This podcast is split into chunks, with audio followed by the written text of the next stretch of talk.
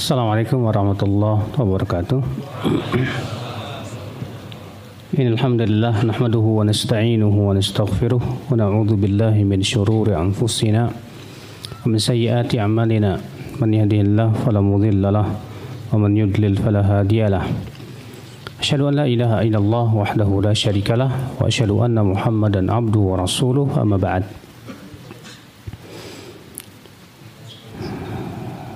Alhamdulillah ikhwata Islam. Untuk pertama kalinya saya kajian di Banjarmasin ini ya.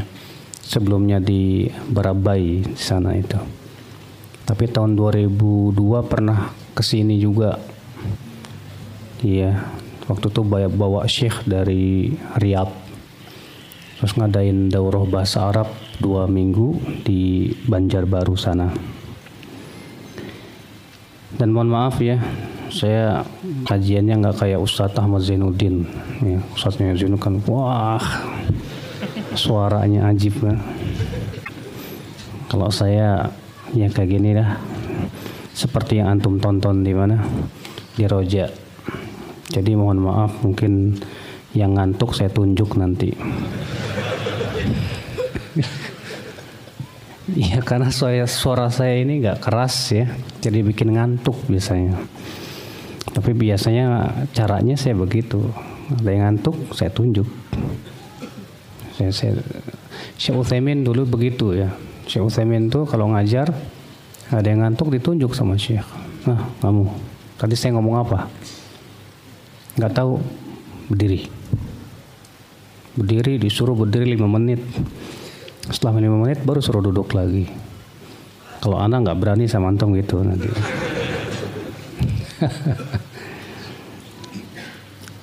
Ikhwata Islam, azakumullah, pembahasan kita adalah asyratus sa'ah, yaitu tanda-tanda hari kiamat. Apa urgensi atau faidah dari mempelajari tanda-tanda hari kiamat? Tentunya ya akhwat Islam, mempelajari tanda-tanda hari kiamat, ada faidah-faidah yang bermanfaat untuk kita. Apa itu? Yang pertama, menunjukkan akan sidkur Rasul akan kebenaran yang dikabarkan oleh Rasulullah Shallallahu Alaihi di mana yang Rasulullah kabarkan tentang tanda hari kiamat ternyata terjadi seperti yang Rasulullah beritakan itu menunjukkan bahwa Rasulullah SAW tidak dusta yang kedua menunjukkan bahwa Rasulullah SAW benar-benar seorang nabi dan rasul Ya. Allah berfirman, "Wa ma yantiqu 'anil hawa in huwa illa wahyu yuha." Tidaklah Nabi Muhammad itu berbicara dari hawa nafsu. Akan tetapi ia adalah wahyu yang Allah wahyukan kepadanya. Karena itu wahyu berarti semua itu pasti benar hak ikhwat Islam azakumullah wa iyyakum. Berbeda dengan kalau ada orang ngaku-ngaku jadi nabi. Ya. Yeah yang ia ucapkan tidak benar. Tidak terjadi seperti apa yang ia ucapkan. Tapi ketika yang Rasulullah SAW ucapkan itu ternyata semua terjadi. Tidak ada yang tidak terjadi. Semua terjadi. Berarti itu akan menunjukkan kebenaran nubuahnya Rasulullah SAW. Faedah yang ketiga yang bisa kita petik apa? Yaitu benarnya akan terjadi hari kiamat dan bahwasanya hari kiamat itu benar-benar akan terjadi. Iya, ketika Rasulullah SAW mengabarkan akan adanya tanda-tanda hari kiamat dan ternyata satu persatu kita lihat dengan mata kepala, maka itu memberikan kepada kita keyakinan bahwa memang hari kiamat pasti akan terjadi. Dan tentu ya akhi ya hal ini menyebabkan kita dari sekarang kita bersiap-siap diri menuju kehidupan akhirat nanti. Dengan banyak beramal saleh dengan banyak kita berusaha untuk takarub kepada Allah Subhanahu wa taala membiasakan kebaikan demi kebaikan meninggalkan kemungkaran demi maksiat ya. Ikhwata Islam azakumullah wa iyyakum. Lalu apa tanda-tanda hari kiamat para ulama membagi tanda hari kiamat menjadi dua Yang pertama tanda hari kiamat kecil dan yang kedua tanda hari kiamat apa? Besar. Tadi saya tanya ke Ustaz, Ustaz, Ustaz Ahmad Zainuddin, ini tanda hari kiamat yang mau dibahas yang mana ya? Tanda hari kiamat kecil apa tanda hari kiamat besar gitu kan? Soalnya kalau dibahas semuanya satu persatu dua tiga jam juga nggak bakalan selesai. Ya, kalau antum maunya bahas tanda hari kiamat yang mana, mas? Yang kecil apa yang besar? Hah? Semuanya? Uluh. ya nggak apa-apa lah semuanya. Tapi mungkin kita nggak sebutkan semua ya. Yang penting-penting aja lah. Ya. Apa perbedaan tanda hari kiamat kecil dengan tanda hari kiamat besar? Kata para ulama, tanda hari kiamat kecil itu terjadi jauh dari tanda hari kiamat besar. Ya, terjadi jauh dari hari kiamat. Sedangkan tanda hari kiamat besar itu terjadinya dekat dengan hari kiamat. Kita akan bahas tanda hari kiamat kecil dulu ya akhul Islam azakumullah wa iyakum. Yang pertama yaitu bi'tsatur rasul. Diutusnya Rasulullah sallallahu alaihi wasallam. Sebagaimana Imam Bukhari meriwayatkan dalam sahihnya, ya, Rasulullah sallallahu alaihi wasallam bersabda, "Bu'ithtu ana was-sa'atu kahatain." Aku diutus oleh Allah Subhanahu wa taala dalam keadaan jarakku dengan hari kiamat itu seperti ini. Ya. Kemudian Rasulullah menunjukkan jari telunjuk dengan jari apa? Tengah. Ya kemudian Rasulullah SAW ya lebarkan begini. Berarti ya diutusnya Rasulullah dengan hari kiamat itu sudah dekat. Itu 1400 tahun lebih yang lalu. Gimana sekarang coba Pak? Iya, berarti kita ini sudah subhanallah sangat-sangat dekat sekali. Istilahnya sih mau maghrib gitu loh Pak. Iya. Subhanallah. Yang kedua, ikhwata Islam azakumullah yaitu insyiqaqul qamar. Terbelahnya bulan. Allah berfirman dalam surat Al-Qamar, "Iqtarabatis sa'atu wan syaqqal qamar." telah datang hari kiamat dan telah terbelah bulan. Al-Hafidh Ibn Katsir mengatakan, "Qad kana hadha fi zamani Rasulullah sallallahu alaihi wasallam kama warada fi dzalika al-ahaditsul mutawatirah bil asanidis sahihah." Wa hadha amru muttafaqun alaihi ulama. أن انشقاق القمر قد وقع في زمان النبي ini kata beliau sudah terjadi di zaman Rasulullah Alaihi Wasallam. Sebagaimana ditunjukkan oleh hadis-hadis yang mutawatir dan sahih. Dan para ulama semua sepakat akan terjadinya terbelahnya bulan di zaman Rasulullah Sallallahu Alaihi Wasallam. Dalam hadis yang dalam Muslim dari hadis Abdullah bin Mas'ud ia berkata, "Baina nahnu ma'a Rasulillah sallallahu alaihi wasallam bimina" idin falaqal qamaru fil yafil qatain ketika kami bersama Rasulullah SAW di Mina tiba-tiba bulan itu terbelah jadi dua. Ya. Yeah. fakanat falqah wara'al jabal wa falqah dunah. Di mana sebagiannya itu berada di belakang gunung ya sebagiannya lagi ya tidak. Lana Rasulullah SAW maka Rasulullah SAW bersabda, ishadu, saksikan itu. Subhanallah ya akhi, ya. Ini di zaman Rasulullah SAW disaksikan langsung oleh para sahabat Rasulullah SAW. Terjadinya ya belahnya bulan tersebut. Kemudian yang ketiga, yaitu narul hijaz allati adha'at a'naqal ibil bi busra munculnya api yang sangat besar di negeri Bus apa di Hijaz. Saking besarnya itu api sehingga menyinari punuk-punuk unta yang ada di kota Busra. Sebagaimana disebutkan dalam hadis Abu Hurairah radhiyallahu anhu arda Jadi kalau dari Imam Bukhari dan Muslim ya beliau bersabda la taqumu sa'ah hatta takhruja narun min ardil hijaz tudhi'u a'naqal ibili bi busra tidak akan tegak hari kiamat sampai keluar api di negeri Hijaz Saking besarnya api itu menyinari punuk unta yang ada di kota Busra. Busra itu di Syam. Iya. Berkata Imam Nawawi, Imam Nawawi ya ternyata menyaksikan kejadian itu, akhi. Terjadi di zaman Imam Nawawi rahimahullah. Kata Imam Nawawi, ini Imam Nawawi yang ulama dulu ya, bukan Nawawi Banteni ya. Kalau di Indonesia kan terkenalnya Nawawi Banteni ya, Pak. Ya. Kata Imam An-Nawawi, kharajat fi zamanina narun bil Madinah sanata arba wa khamsina wa sittumi'ah.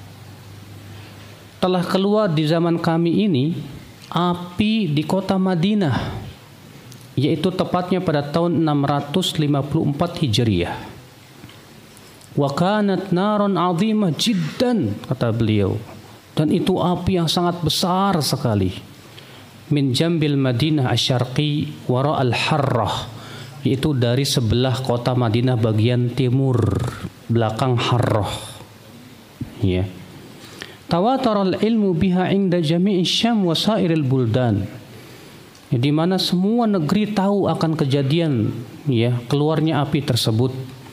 Wa akhbarani man hadaraha min ahli Madinah bahkan Ya, penduduk kota Madinah telah mengabarkan kepada Imam Nawawi tentang kejadian tersebut. Dan Imam Ibn Kathir di dalam kitab Al-Bidayah wa Nihayah menyebutkan kejadiannya itu ya sebelum keluarnya api yang sangat besar itu kota Madinah itu diguncang gempa selama tiga hari tiga malam sehingga orang-orang pergi ya, berlari, berlari ya ke puncak-puncak gunung. Dan mereka mengira akan terjadi hari kiamat.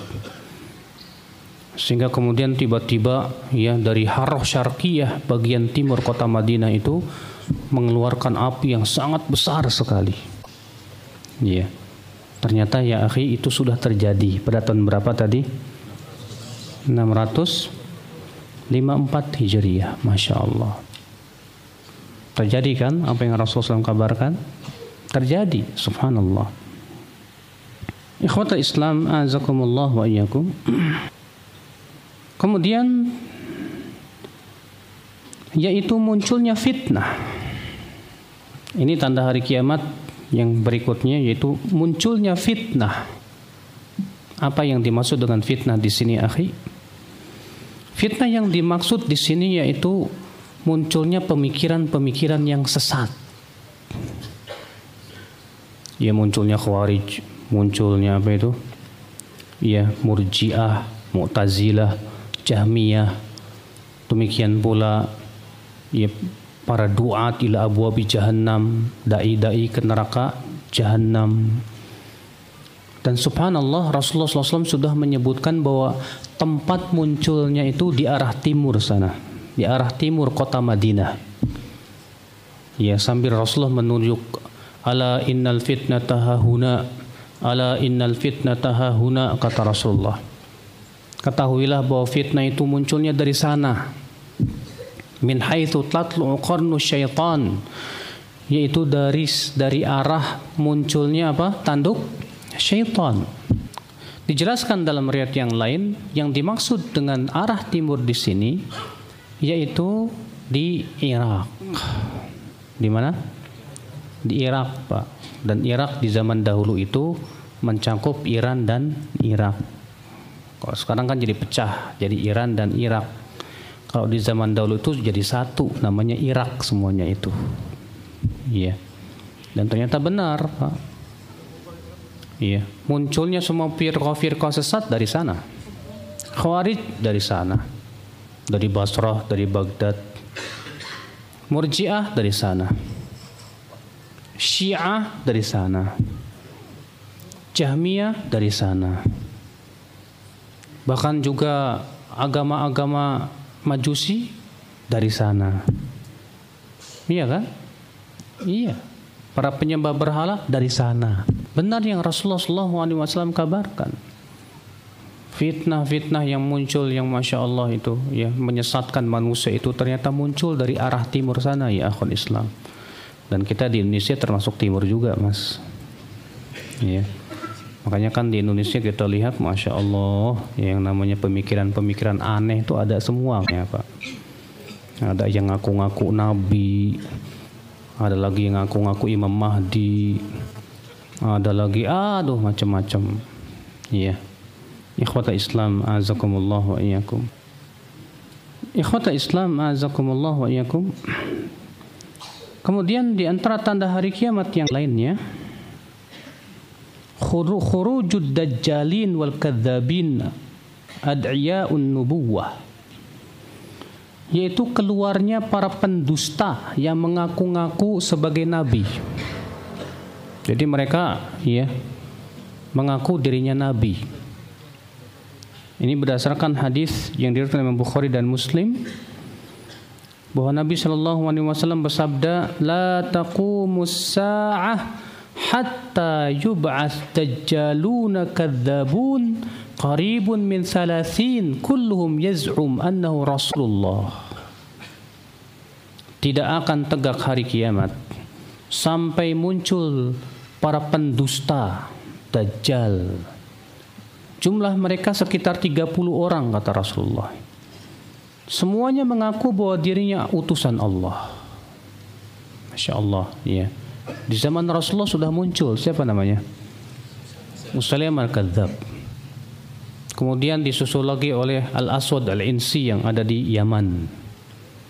Disusul lagi oleh Sajah, seorang wanita ya dukun lalu mengaku-ngaku dirinya nabi. Kemudian Tulaiha Al-Asadi. Tulaiha Al-Asadi ini tadinya seorang sahabat yang kemudian dia mengaku-ngaku nabi namun setelah itu ia taubat dan kembali bagus Islamnya dan wafat di atas keislaman Tulaiha Al-Asadi ini. Kemudian muncul lagi terus muncul ya akal Islam azakumullah. Di Indonesia banyak sekali yang kemarin tuh yang namanya tuh musodik gitu ya. Ada lagi Lia Edan ya. Ada lagi siapa lagi tuh Pak mengaku nabi itu Pak. Bahkan di Indonesia ini Pak ada lembaga namanya lembaga kerasulan. Itu pernah tenar tahun 80-an Pak. Jadi lembaga ini punya keyakinan katanya Rasul itu masih ada sampai detik ini. Kenapa alasannya? Kata mereka yang Allah hapus dalam Al-Quran itu Nabi. Allah mengatakan wa khatamun nabiyyin, penutup para nabi. Berarti Rasulullah SAW itu hanya menutup para nabi, tidak menutup Rasul. Jadi menurut mereka Rasul masih ada. Dalilnya ayat walaqad ba'atsna fi kulli ummati rasula katanya. Sungguh kami telah utus pada setiap umat itu seorang Rasul. Berarti kata mereka Rasul itu masih ada sampai detik ini. Bayangkan Pak, ya kesesatan mereka. Padahal Rasulullah SAW dalam hadis mengatakan apa? Wa ana wa ana khatamur rusul dan aku adalah penutup para rasul. Ya, dengan lafaz seperti itu. Ya. Ikhwata Islam azakumullah wa iyyakum. Maka hati-hati akhi ya dari yang namanya orang-orang yang mengaku menjadi nabi. Wajib kita yakini bahwa Rasulullah SAW nabi yang terakhir, rasul yang terakhir. Siapa yang punya keyakinan bahwasanya ada setelah Rasulullah SAW seorang nabi, maka kata para ulama dia murtad, ya, kafir keluar dari Islam. Ya. Makanya para ulama mengatakan bahwa pengikut siapa itu Mirza Gulam Ahmad itu ya dan dia punya keyakinan bahwasanya Mirza Gulam Ahmad itu memang nabi setelah adanya Nabi Muhammad SAW maka ini bukan Islam ya akhi. Ya dan di antara tanda kebatilan Mirza Gulam Ahmad dia wafat gara-gara mubahalah Pak. Karena terjadi mubahalah antara ulama ahlus sunnah dengan Mirza Gulam Ahmad ini. Yang kemudian isi mubahalah itu bahwa siapa di atas kebatilan maka ia akan mati sebelum setahun. Ternyata baru lima hari setelah mubahalah mati. Iya. Ikhwata Islam azakumullah wa iyyakum.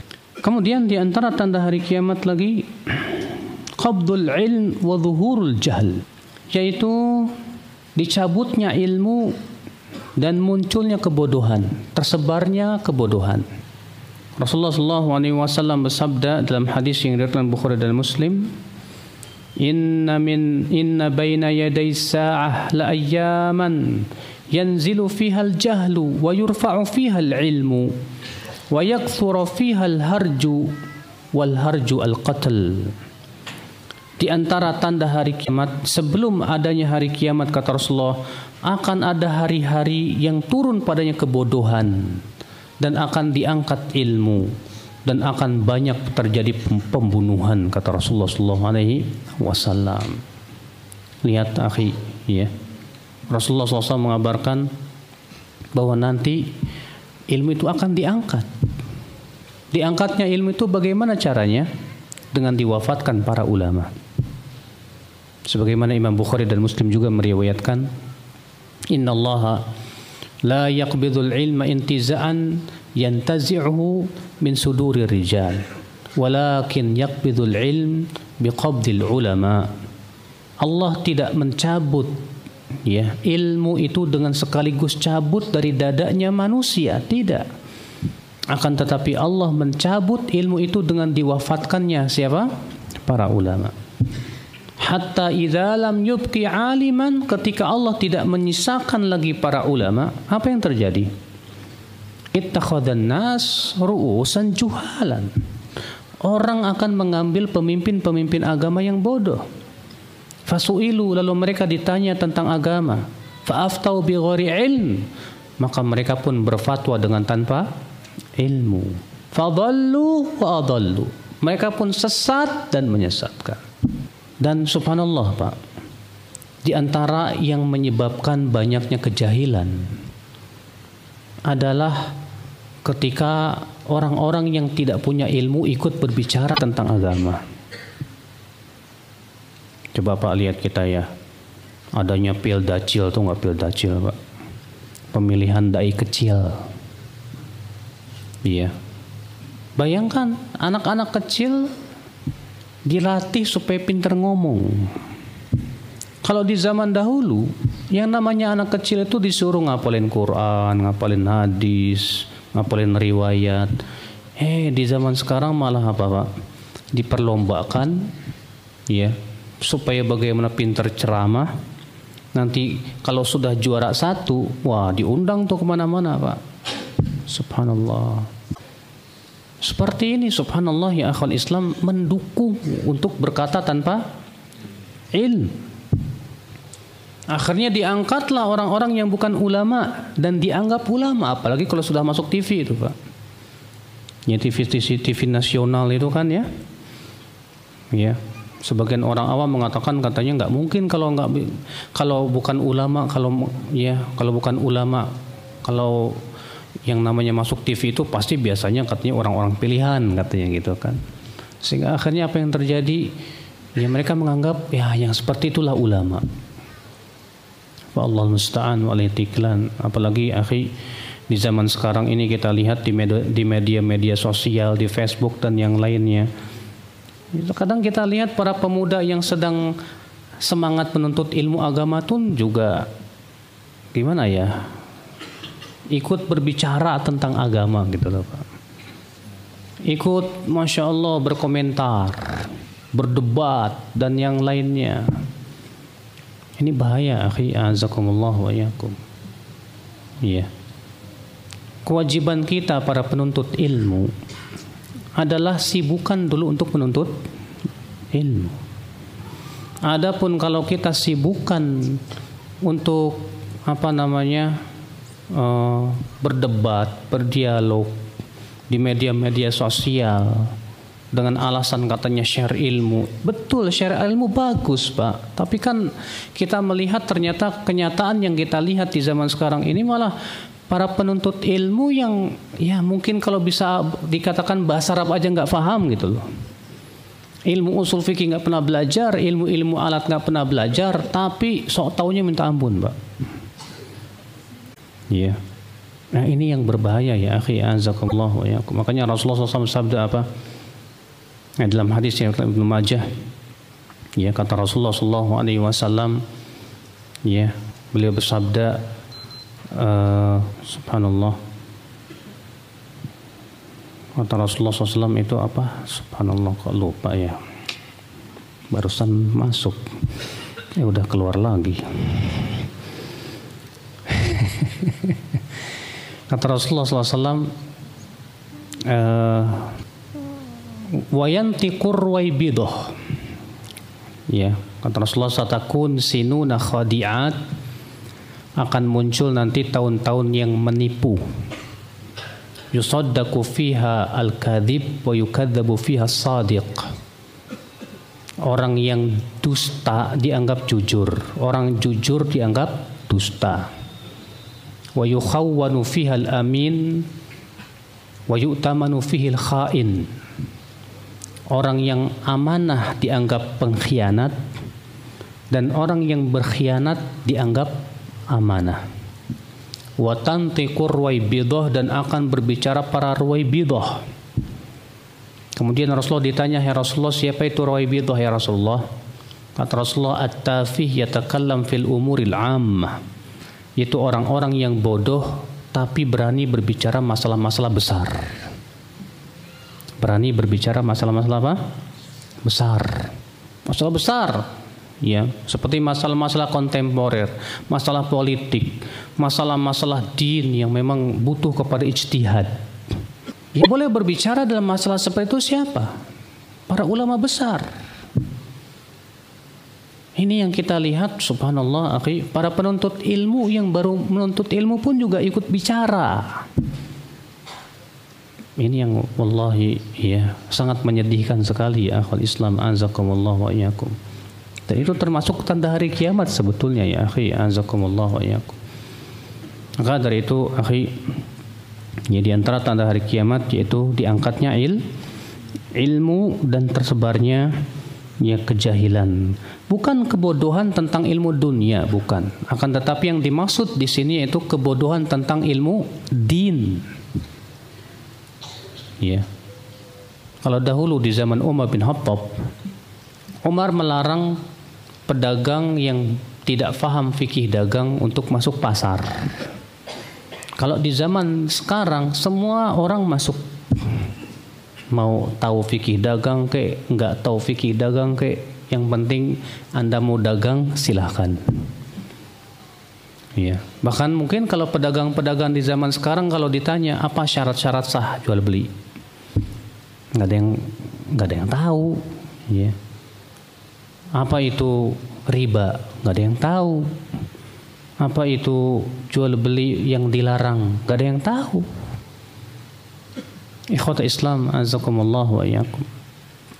Nah ini ya di antara tanda hari kiamat diangkatnya ya orang-orang yang bodoh dalam agama yang sebagai orang-orang pemberi fatwa dalam agama. Allah musta'an.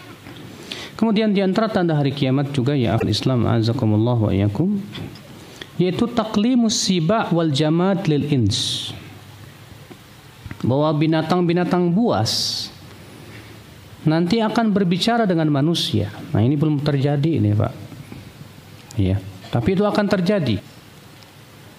Ini berdasarkan hadis yang diriwayatkan oleh Imam Bukhari dalam sahihnya. Dari Abu Hurairah ia berkata, "Shalla Rasulullah wasallam as-subha, thumma aqbala 'ala an-nas faqala, baina rajulun yasuqu baqarah idh raqibaha fadarabaha." Rasulullah SAW pernah sholat subuh. Setelah selesai sholat subuh, Rasulullah SAW menghadap kepada manusia. Lalu beliau bersabda, ketika ada seorang laki-laki yang menggiring ya bakoroh yaitu sapi yang ia kendarai, ia pun memukul sapi tersebut. Faqala maka si sapi ini berkata, Inna lam nukhlaq lihada. Innama khuliqna lil harf. Ya kami tidak diciptakan untuk ini. akan tetapi kami diciptakan untuk ya harth harth itu untuk apa sih Hah? mengerjakan sawah gitu loh ya Faqala nas subhanallah baqarah takallam subhanallah ada sapi bisa bicara ya Faqala fa inni u'min bihada. Maka kemudian beliau bersabda, sesungguhnya aku beriman dengan ini. Aku dan Abu Bakar dan Umar. Ya. Kemudian beliau bersabda, "Wa bainama rajulun fi ghanamihi id 'ada dhi'bu fadhahaba minha bisyah." Ya ketika ada seorang laki-laki sedang menggembalakan dombanya, tiba-tiba dombanya itu diserang oleh seekor serigala. Lalu serigala itu membawa dombanya. Fatalaba hatta ka'annahu istanqadhaha minhu. Lalu orang Oniba ya mencari dan mengejar siapa itu? Serigala tersebut dan merebut dombanya dari serigala tersebut. Faqala lahu apa yang terjadi, Pak? Setelah diambil dombanya dari serigala tersebut, ternyata si, si serigala ini duduk sambil bicara. Apa kata si serigala ini? Ya hada istanqadtaha minni faman laha yaumus sab' yauma la ra'iya laha ghairi. Ya. Maka serigala ini berkata apa kata serigala ini? Hai bagaimana kamu hendak mengambil ia dariku? Ya. Maka orang-orang merasa aneh. Subhanallah ada serigala bisa bicara. Ya. Maka kata Rasulullah sesungguhnya aku beriman dengan ini. Abu Bakar dan Umar pun beriman. Artinya ini akan terjadi nanti. Ya sapi bisa bicara. Demikian pula apa? Ya. Serigala, binatang-binatang buas. Antum mungkin nanti ke taman safari pada ngomong semua ke sama antum ya. Di antara dalilnya juga adalah hadis yang diriatkan oleh Al Imam ya Ahmad bahwa Nabi Shallallahu Alaihi Wasallam bersabda dari hadis Abu bahwa Abu Sa'id Al Khudri berkata ada dhi'bu ala syatin fa akhadhaha fa talabahu ar-ra'i fantaza'aha minhu bahwa ada seekor serigala yang menyerang ya memangsa seekor domba Lalu serigala ini mengambilnya. Maka si pengembala pun mengejarnya dan mengambil domba tersebut dari serigala tersebut. Fa'aq'adzibu ala dhan ala dhanabihi. Maka serigala ini pun duduklah di atas ekornya dan berkata, "Ala tattaqillah tanzi'u minni rizqan saqahu Allahu ilaihi." Apa kamu tidak bertakwa kepada Allah? Bagaimana kamu mengambil rezeki yang telah Allah berikan kepada saya? Kata serigala ini. Ya. Fakal lalu si pengembala ini berkata, Ya ajabi, Zim dzibun muq'in ala dham dhanabihi yukallimuni kalamal ins. Aneh sekali. Ada serigala yang duduk di atas ekornya dan berbicara seperti manusia. Faqala dhi'bu lalu serigala ini berkata, "Ala ukhbiruka bi'ajab min dhalik? Maukah aku beritahukan kepada kamu yang lebih aneh dari ini?" Yeah. Muhammadun bi Yathrib yukhbiru nas bi amba'i ma sabaq. Yaitu Muhammad di kota Yathrib sana. Ia mengabarkan berita-berita yang telah ya tentang berita-berita orang-orang terdahulu. Itu lebih aneh lagi kata siapa? kata serigala ini. Ar-ra'i yasuqu ghanamahu hatta dakhala al-Madinah. Maka si penggembala ini pun membawa kambing-kambingnya sampai ke kota Madinah. Fazawaha ila zawiyatin min zawayaha. Kemudian ia pun menyimpan kambing-kambing tersebut di sebuah tempat di kota Madinah. Thumma ata Rasulullah SAW lalu si penggembala ini mendatangi Rasulullah Sallallahu Alaihi Wasallam faakhbarahu dan mengabarkan menceritakan tentang kejadian tersebut. Fa'amara Rasulullah SAW fanudiya bis salati jami'ah. Maka Rasulullah SAW memerintahkan untuk supaya dipanggil ya sholat lalu kemudian orang-orang pun berkumpul untuk sholat kemudian Rasulullah SAW pun keluar. Faqala rai kemudian Rasulullah SAW bersabda kepada si pengembala tersebut akhbirhu kabarkan kepada mereka tentang kejadian tadi Fa akhbarahu lalu kemudian si, si penggembala ini pun mengabarkan hal tersebut kepada para sahabat. Faqala Rasulullah SAW maka Rasulullah SAW bersabda sadaq benar apa yang dikatakan oleh si penggembala ini. Walladhi nafsi biyadih la taqumu sa'ah hatta yukallima istiba'al ins wa yukallima rajul adbata sautihi wa syiraka na'lihi ya tidak akan tegak hari kiamat kata Rasulullah demi zat yang diriku berada di tangannya. Tidak akan tegak hari kiamat sampai binatang ternak binatang buas nanti akan mengajak bicara manusia. Bahkan sampai-sampai kata Rasulullah SAW ya apa namanya cambuk dan apa tali sendalnya pun akan mengajaknya bicara. Wa yukhbiruhu yafakhidhuhu bima ahdatha ahlu ba'dahu. Bahkan paha si orang tersebut mengabarkan apa yang dilakukan oleh istrinya di rumahnya tersebut. Masya Allah. Ya ternyata Rasulullah SAW mengabarkan ini akan terjadi mas. Bahwa nanti ya di akhir zaman itu binatang-binatang terutama binatang buas akan bicara kepada manusia Iya, sampai-sampai kata Rasulullah tali sendal pun bisa bicara. Allah Allah mungkin kemajuan teknologi apa gimana kita nggak tahu. Di zaman sekarang aja, masya Allah pak, ya kita bisa pasang apa itu di, di HP, ya CCTV, kemudian bisa kita lihat di HP. Ke mana-mana kita pergi bisa lihat. Bahkan ya teknologi sekarang itu masya Allah luar biasa canggih sekali ya. Akal Islam azakumullah wa iyakum Allahu alam apakah itu karena kepak, ya, apa namanya e, kecanggihan teknologi? Atau memang hakikat memang benar-benar akan bicara? Hanya Allah yang maha tahu. Ya kemudian di antara tanda hari kiamat berikutnya ya akhi azakumullah wa iyakum kasratu zalazil wa zuhurul khas wal qadh wal maskh. Itu banyaknya gempa bumi. Ya. Sebagaimana Rasulullah SAW sabda la taqumu sa'ah hatta yuqbadal ilm wa takthurul az-zalazil.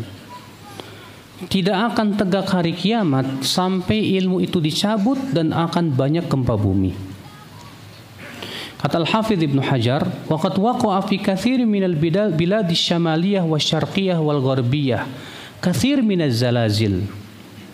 Walakin alladhi al-murad wa.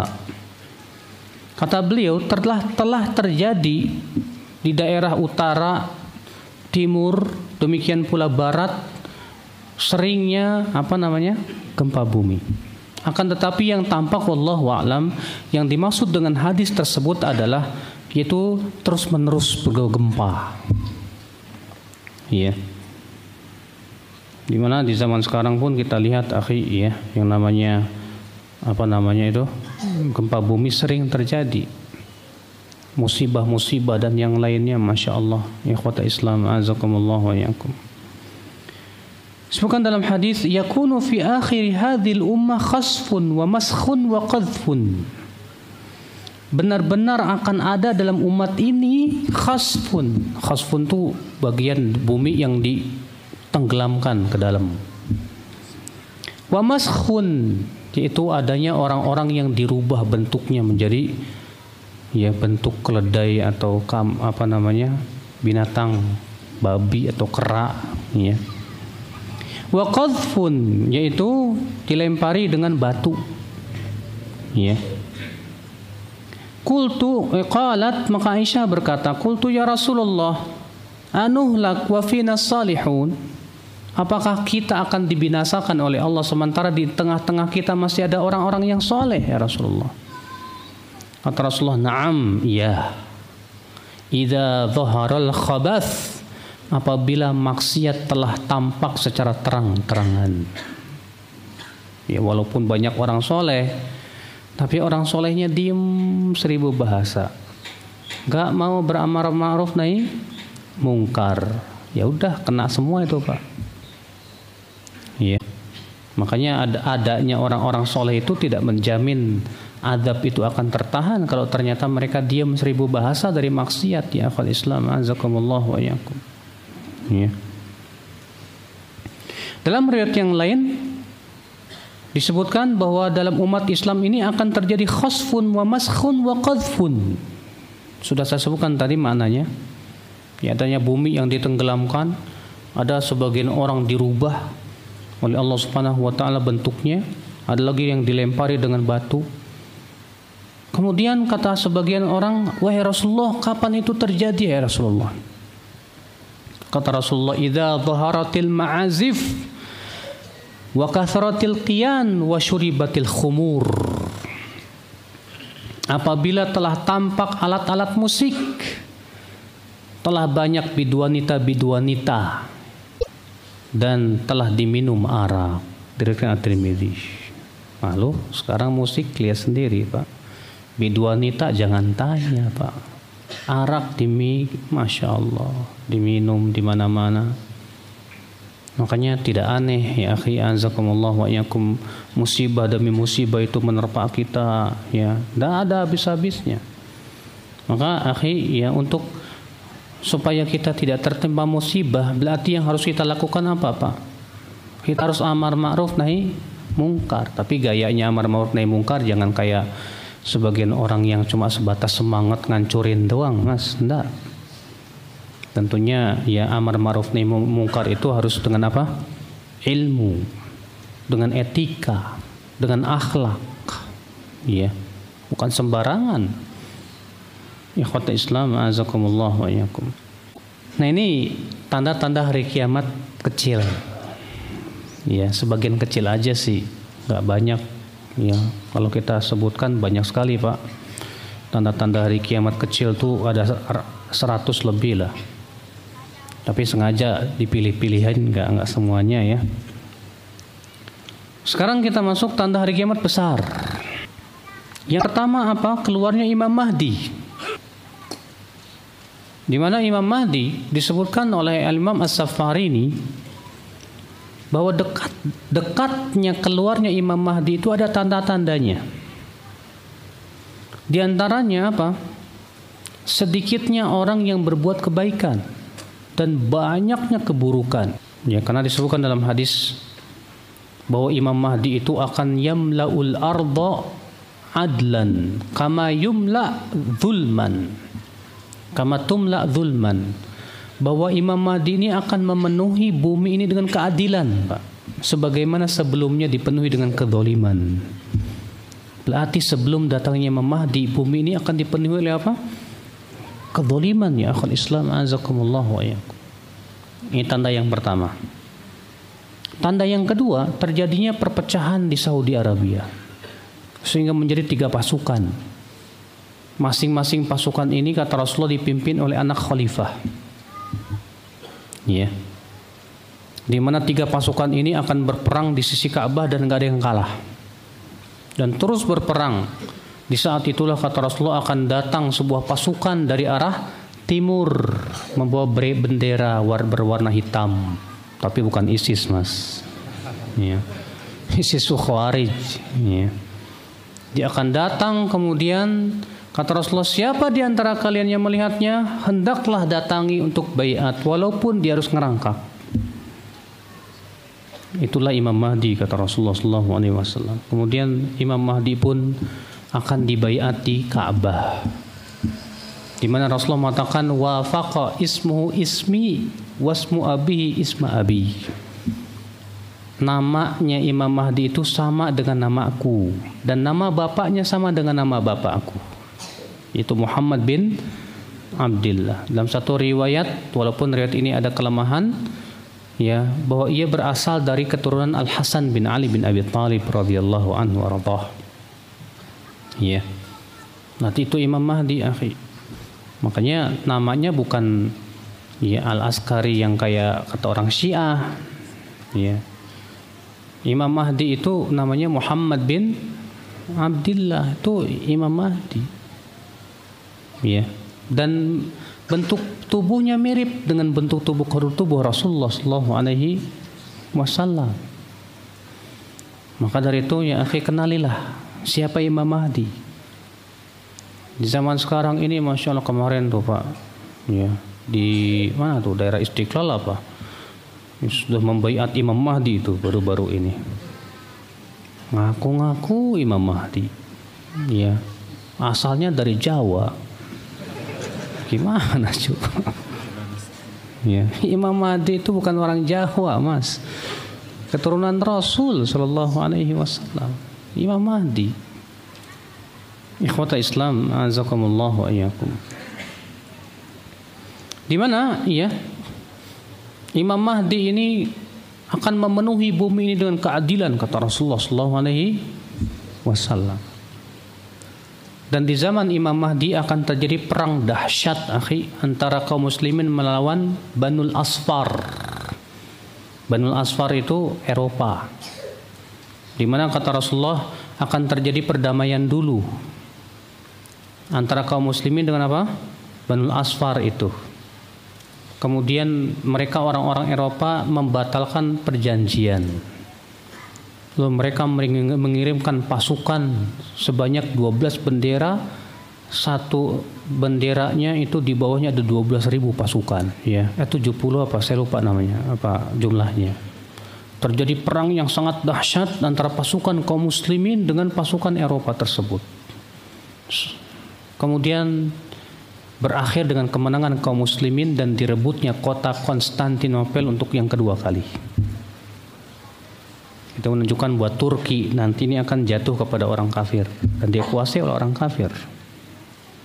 Sebab Rasulullah menyebutkan bahwa di zaman tersebut ketika perang antara kaum muslimin dengan Banul Asfar, kaum muslimin akan menguasai kembali kota Iskandaria atau disebut dengan Konstantino Konstantinopel. Padahal Konstantinopel sudah dikuasai oleh Muhammad bin Al-Fatih. Sampai hari ini alhamdulillah ya menjadi negara Islam. Tapi Rasulullah ternyata mengabarkan itu akan dikuasai lagi oleh mereka. Iya. Dan akan terjadi itu insya Allah. Entah kapan kita tidak tahu. Nah kata Rasulullah ketika mereka sibuk mengambil gonimah terdengarlah suara apa panggilan seruan bahwa Dajjal sudah keluar. Akhirnya apa-apa tadinya mereka sudah ngambil gonimah dibuang lagi. Masing-masing melarikan diri menyelamatkan diri. Karena ini Dajjal ini nggak bisa dilawan dengan senjata, Mas. Siapa Dajjal? Dajjal ya sudah muncul di zaman Rasul, Pak. Sahabat yang pernah ketemu Dajjal itu namanya siapa? Tamim bin Aus Ad-Dari, Abu Ruqayyah. Imam Muslim menyebutkan tentang kisah pertemuannya dia. Kata Tamim, aku pernah bersama beberapa temanku dari Arab di Banu Tamim berlayar di lautan. Dan kami pun terombang-ambing di ya dengan ombak di selama tiga hari tiga malam kata beliau. Sampai akhirnya kami pun terdampar di sebuah pulau. Lalu kami bertemu dengan makhluk yang semuanya dipenuhi bulu sampai-sampai kami nggak tahu mana depan mana belakang. Lalu aku berkata kata Tamiman anti kamu siapa? Makhluk ini makhluk ini berkata saya jasasa. Siapa jasasa? Kata orang ini hai kaum cepatlah kalian asri'u ila dir pergi kamu ke sebuah lemah ibadah di sana di sana ada seseorang yang sangat ingin yang mengetahui berita kalian. Maka kemudian Tamim dan beberapa orang itu pergilah ke ke rumah tersebut. Kata Tamim, aku melihat manusia yang belum pernah aku melihat sebesar itu orang. Jadi Dajjal ini badannya gede, Pak. Ya, sampai-sampai Tamim mengatakan belum pernah aku melihat ada orang sebesar itu. Di mana ya tangan dan kakinya itu dirantai. Kemudian Tamim berkata, Man, kamu siapa? Kata orang ini, kabarkan dulu kepadaku kalian siapa. Kata Tamim, kami dari Banu Tamim, kaum dari Arab. Kata orang ini, apa yang dilakukan oleh Muhammad dan para sahabatnya? Kata Tamim, ia telah hijrah ke kota Madinah dan menguasai beberapa kabilah di sekitarnya. Kata orang ini, ama in ama, lau annahum ittaba'uh lakana khairal lahum. Jika mereka mengikuti Muhammad itu lebih baik buat mereka. Yang ngomong dajjal loh, Pak. Ya. Jika mereka mengikuti Muhammad itu lebih baik buat mereka.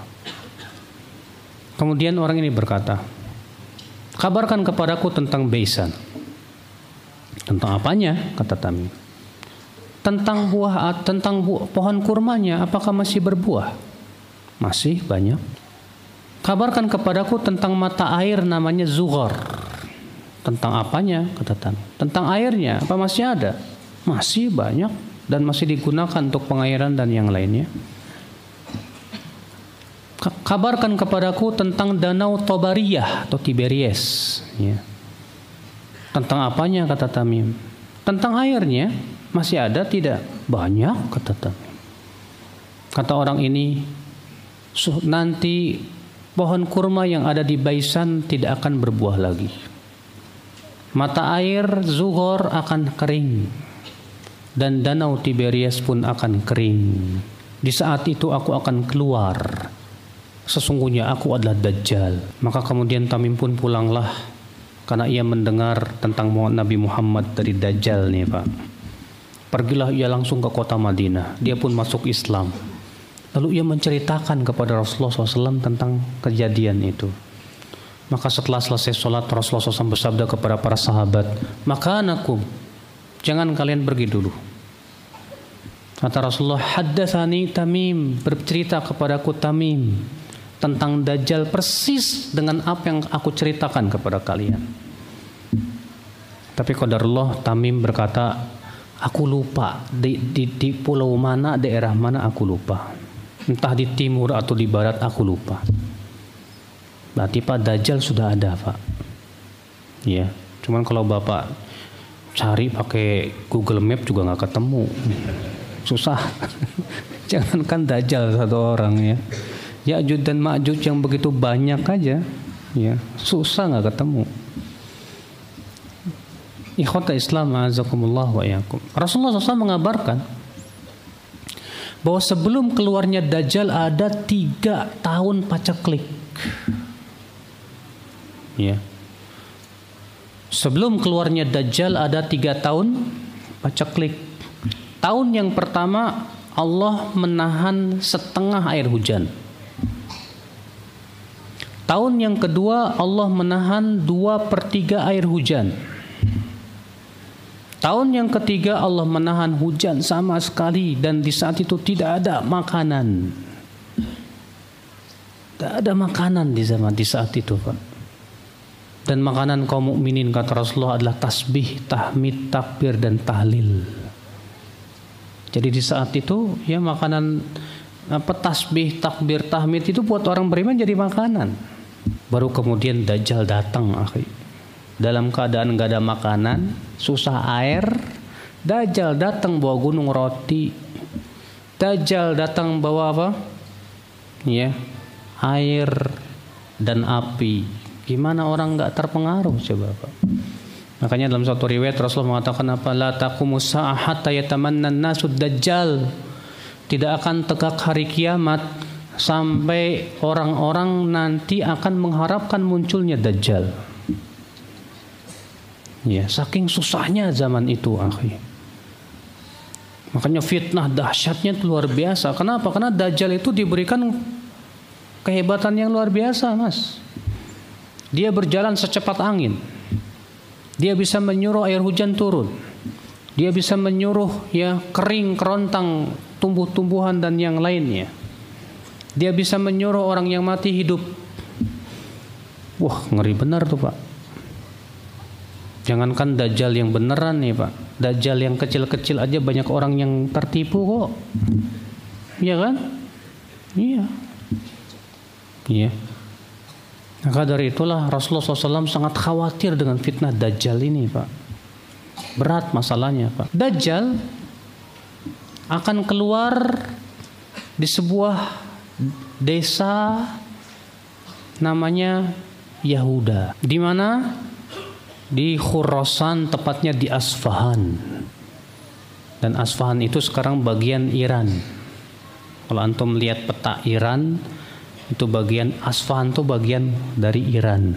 Di situ tuh Dajjal akan keluar.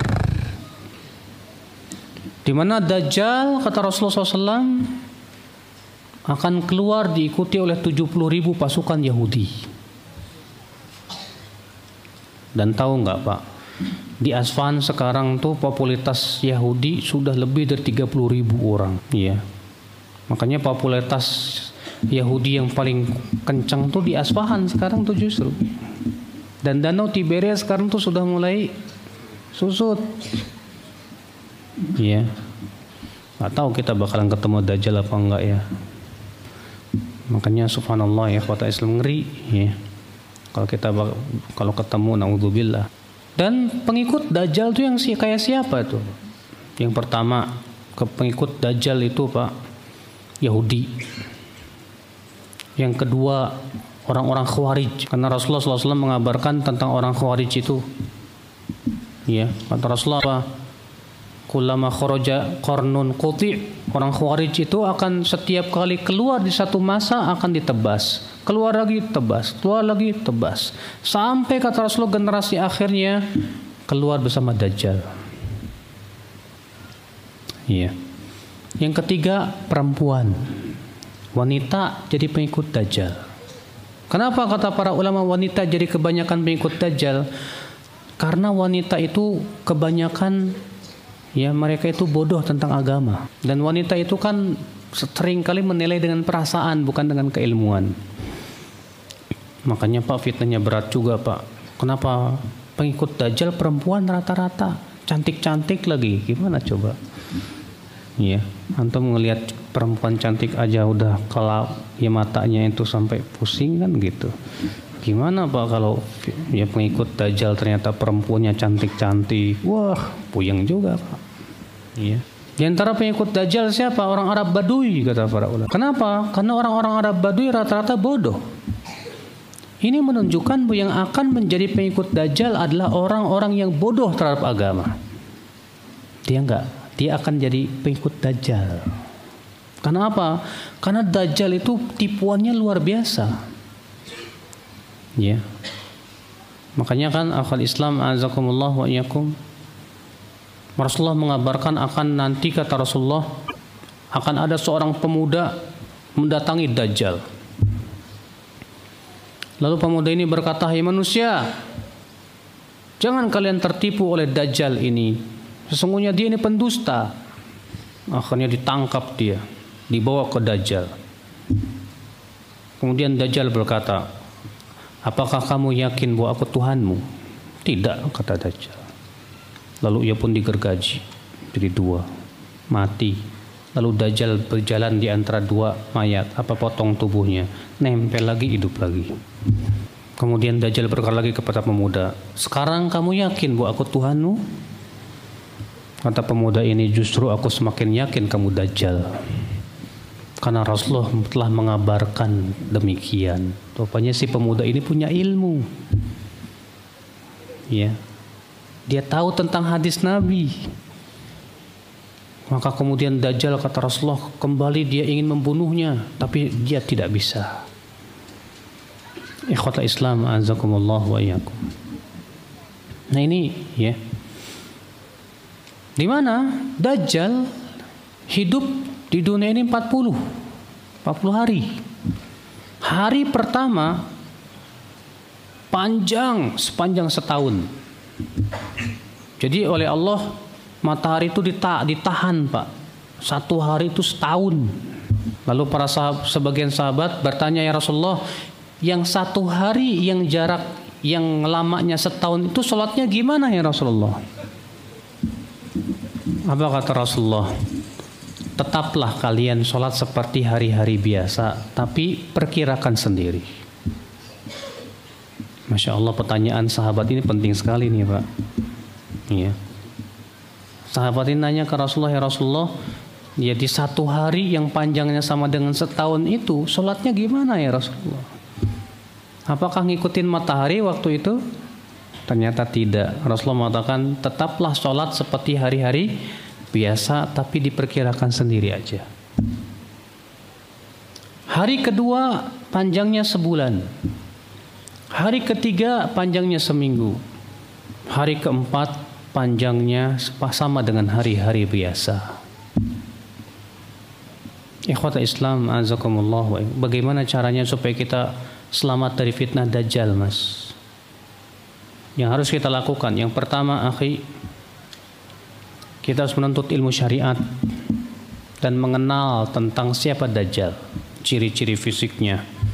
Kata Rasulullah Dajjal itu ya Fisiknya itu besar badannya. Bait ma baina mangkibain Ininya lebar. Rambutnya keribu syadidul ju'udah. Ya syadidul ju'udah itu sangat keriting. Ya keribu gitu pak kemudian matanya itu pecak sebelah di mata kanannya kata Rasulullah nyembul bagaikan anggur ya dan kepalanya seperti ular maksudnya kepala ular bukan Kata para ulama, orang-orang Arab memisalkan orang yang kepalanya nggak bisa diem tuh kayak ular. Jadi maksudnya Dajjal tuh kepalanya nggak mau diem gitu. Gerak terus. Iya. Maka kalau ada orang yang kepalanya nggak mau diem, gerak lagi gini, ada gini, itu artinya ya, kepalanya kayak ular. Iya. Itu ciri fisik Dajjal, akhi. Azakumullah wa iyakum. Kemudian hafalkan surat Al-Kahfi 10 ayat pertama. Udah hafal belum? Belum pada hafal kan? Eh, eh, jangan tidur, Pak, Pak, Pak. Pak. Shh. Udah baca bismika Allah tuh belum?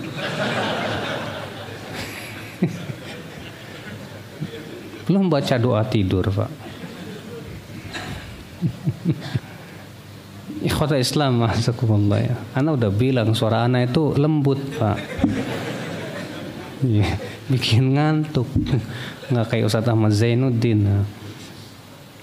Akan Islam sampai mana tadi? Hafalkan 10 ayat pertama surat Al Antum sudah ngapalin belum? Belum. Emang antum yakin nggak ketemu Dajjal? Ya, harus Pak. Lah kalau antum nggak hafal mau dibacain diambil Qurannya mau dajjal gimana? Nggak hafal. Hafalkan. Yang ketiga kata Rasulullah menjauh dari dajjal. Jangan sekali-kali penasaran pengen lihat ah. Jangan. Kayak gimana sih dajjal? Pengen kita kan terkadang kan suka penasaran gitu kan. Kayak gimana sih dajjal? Lihat-lihatlah. Oh, itu dajjal gitu kan. Kata Rasulullah SAW, jangan setiap kali kita mendengar Dajjal suatu tempat, lari. Dajjal udah sampai mata pura, lari. Ya. Sejauh-jauhnya. Nah itu ya akhi, azakumullah yakum. Dan kemudian akhi, ketika Dajjal ada itu, kerajaan kaum muslimin adanya di mana? Di Syam. Dengan khalifahnya Imam Mahdi. Maka Dajjal pun kemudian datang mau pasukannya menyerang kaum muslimin di Syam. Maka kaum muslimin pun bersembunyilah di bukit-bukit ketakutan. Ya. Kemudian Dajjal pun pergi ke kota Makkah dan Madinah mengepung dan tidak bisa masuk. Kenapa? Karena setiap lorong-lorong kota Mekah dan Madinah dijaga oleh malaikat-malaikat yang menghunuskan pedangnya. Di saat itu kemudian terdengar ya terdengar suara di kota Damaskus itu ya ketika kaum muslimin hendak sholat subuh terdengar suara ternyata mereka segera menuju suara itu ternyata Nabi Isa turun di mana Nabi Isa turun mengendarai malaikat ya kata Rasulullah ka'annahu kharaja min dimas seakan-akan beliau baru keluar dari kamar mandi kenapa karena Nabi Isa itu rambutnya selalu basah, Mas. Itu ciri fisiknya Nabi Isa itu rambutnya selalu basah, walaupun dia nggak mandi. Iya. Dia turun kata Rasulullah inda manarah bayda di menara putih di kota Damaskus. Kalau antum lihat masjid Jami Damaskus itu menaranya warna putih. Di situlah Nabi Isa akan turun. Kemudian ya Imam Mahdi mempersilahkan Nabi Isa untuk menjadi imam, tapi Nabi Isa menolak. Nabi Isa menyuruh Imam Mahdi jadi imam karena menghormati umat Rasulullah SAW. Kemudian Nabi Isa pun mengumandangkan apa? Jihad. Dan Nabi Isa pun diberikan oleh Allah kekuatan luar biasa. Kata Rasulullah, tidaklah ada orang kafir yang mencium ya bau nafasnya Nabi Isa kecuali akan meninggal dunia. Dan sejauh apa jauhnya nafas Nabi Isa itu sejauh mata memandang beliau. Dan tidaklah Nabi Isa melihat Dajjal kecuali Dajjal akan mengkerut. Seperti mengkerutnya garam dalam air. Dan terus Nabi Isa akan ya mengejar Dajjal. Sampai akhirnya Nabi Isa berhasil membunuh Dajjal di sebuah tempat namanya Babul Lud dengan tombaknya. The end Dajjal. Iya. Mati setelah Dajjal mati semuanya masuk Islam Mbak. Dan di saat itu semua ahli kitab masuk Islam. Allah mengatakan dalam surat An-Nisa wa im min ahlil kitab illa la yu'minan nabihi qabla mautih. Tidak ada satupun ahli kitab kecuali pasti beriman kepada Nabi Isa sebelum meninggalnya Nabi Isa. Ini ayat Pak menunjukkan bahwa nanti ketika Nabi Isa turun semua ahli kitab pasti masuk Islam. Kenapa? Karena di zaman Nabi Isa tidak diterima jizyah lagi. Nabi Isa hanya memberikan pilihan dua, masuk Islam atau dibunuh. Tidak ada pilihan bayar jizyah, tidak ada di zaman Nabi Isa. Makanya seluruh dunia akan masuk Islam. Maka di situlah ya Islam kuat. Bahkan terjadi kata Rasulullah SAW keberkahan yang luar biasa. Sampai-sampai satu buah delima bisa dimakan delapan orang. Saking berkahnya itu zaman akhir. Dan kedamaian yang luar biasa kata Rasulullah. Sampai-sampai anak kecil bermain dengan ular nggak masalah nggak mematuk saking luar biasanya ya akhi anzakumullah wa yakum namun di saat itu kemudian Allah mewahyukan kepada Nabi Isa. Apa kata Allah? Ahriz ibadi ila tur. Hai Isa bawa hamba-hambaku yang beriman ke bukit tur. Karena aku akan keluarkan sebuah pasukan yang tak mungkin bisa kalah. Maka Nabi Isa pun membawa kaum mukminin ke Bukit Tur. Lalu Allah keluarkan Ya'juj dan Ma'juj keluar mingkul di hadabin silun. Di mana Ya'juj dan Ma'juj itu Pak, tujuannya hanya untuk membunuh dan menghancurkan sudah. Tidak ada satupun daerah kecuali dihancurkan habis. Maka kemudian Ya'juj dan Ma'juj pun menghancurkan seluruh dunia ini. Sampai ia pun menguasai apa? Dunia Sementara kaum mukminin bersembunyi di bukit Tur. Dan di situ kaum mukminin kelaparan, Iya. Lalu kemudian Nabi Isa pun berdoa kepada Allah supaya Allah membinasakan Ya'juj dan Ma'juj. Maka Allah kirimkan penyakit di mana keluar ulat dari apa? Tengkuk-tengkuk Ya'juj dan Ma'juj yang membuat mereka mati. Ternyata mati semuanya Ma'juj dan Ma'juj oleh penyakit itu Pak. Tapi masalahnya ternyata apa kata Rasulullah? Di bumi ini dipenuhi dengan bangkai Ya'juj. Tidak ada satu jengkal di bumi ini kecuali ada bangkai Ya'juj. Sehingga apa yang terjadi? Musibah lagi. Maka Nabi Isa kembali berdoa, Ya Allah. Iya. Kemudian Allah kirimkan apa? Burung-burung yang lehernya itu kata Rasulullah sebesar leher unta. Ya untuk membawa apa? Bangkai-bangkai Ya'juj dan Ma'juj itu. Dan sebelum Ya'juj dan Ma'juj keluar itu Imam Mahdi sudah meninggal akhi. Dan dikuburkan oleh Nabi Isa alaihissalatu wassalam. Setelah Ya'juj dan Ma'juj ya, ya hancur, tak lama kemudian Imam Nabi Isa meninggal dunia dan dikuburkan. Terjadi tanda hari kiamat yang lain. Ya, tanda hari kiamat besar di antaranya apa? Salatu khosafat. Yaitu ada tiga bagian bumi yang akan tenggelam ke dalam bumi. Di timur, di barat, dan di jazirah Arab kata Rasulullah SAW. Kemudian munculnya binatang melata dari dalam bumi, Pak. Terjadi perselisihan para ulama. Binatang melata ini maksudnya apa? Dabah ini.